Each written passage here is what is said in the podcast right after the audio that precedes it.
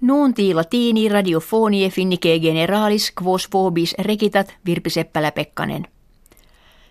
In comitiis francorum presidentialibus die dominico factis ex undecim candidatis superiores discesserunt Emmanuel Macron e Marine Le Pen frontis popularis. Macron relicto regimine socialistarum mense Augusto anni proximi sum motum politicum condidit, quem nec dextra nec sinistra esse digit. Altera suffragia quibus alteruter ex his presidens eligetur fient nonis maiis.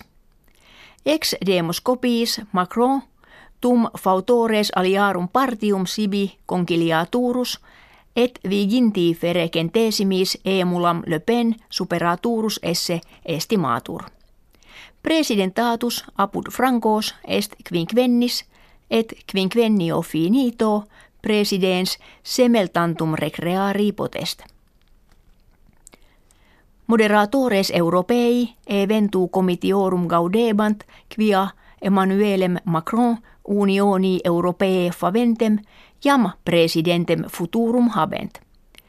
Jean-Claude Juncker, preses commissionis europee, Federica Mogherini, delegata a rebus exteris unionis, aliique illi gratulabantur.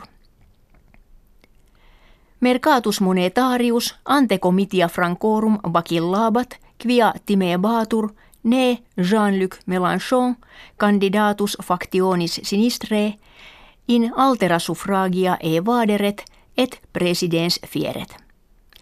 Quotimore sublato burse argentarie in plerisque terris europeis magis crescebant quam umquam hoc anno et in mercatu asiatico valor euronis auctus est.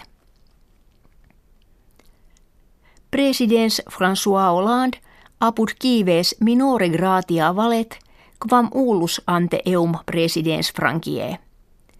Causa est quod kve inter ambitionem pro miserat efficere non potuit.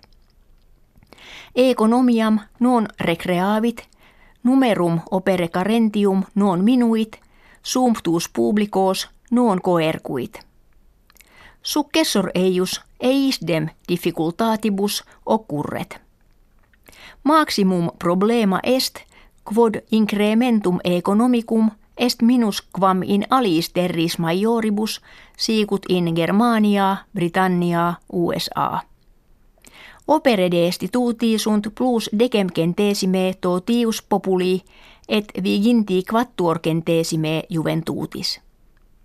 Suburbia, paupertate, tumultibus, criminalitate laborant, terrorismus kives sollicitat – et populus in ditiores et pauperes divisus est.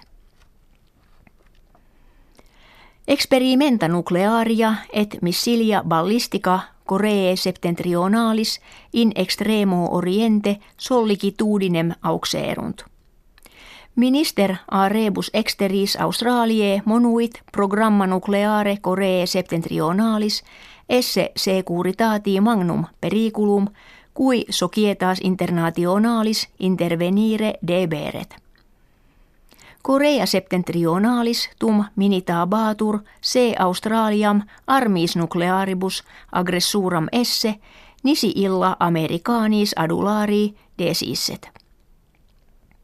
Presidens sinarum Xi Jinping cum presidente Donaldo Trump telefonico collocutus dixit sinenses velle ut omnes terre tales res evitarent quibus excitatio in peninsula Korea cresceret.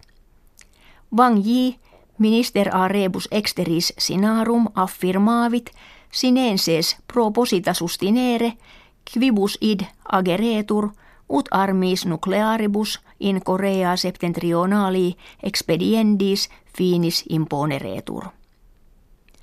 Fine nuntiorum ita facto auscultatoribus gratias agimus et valedigimus.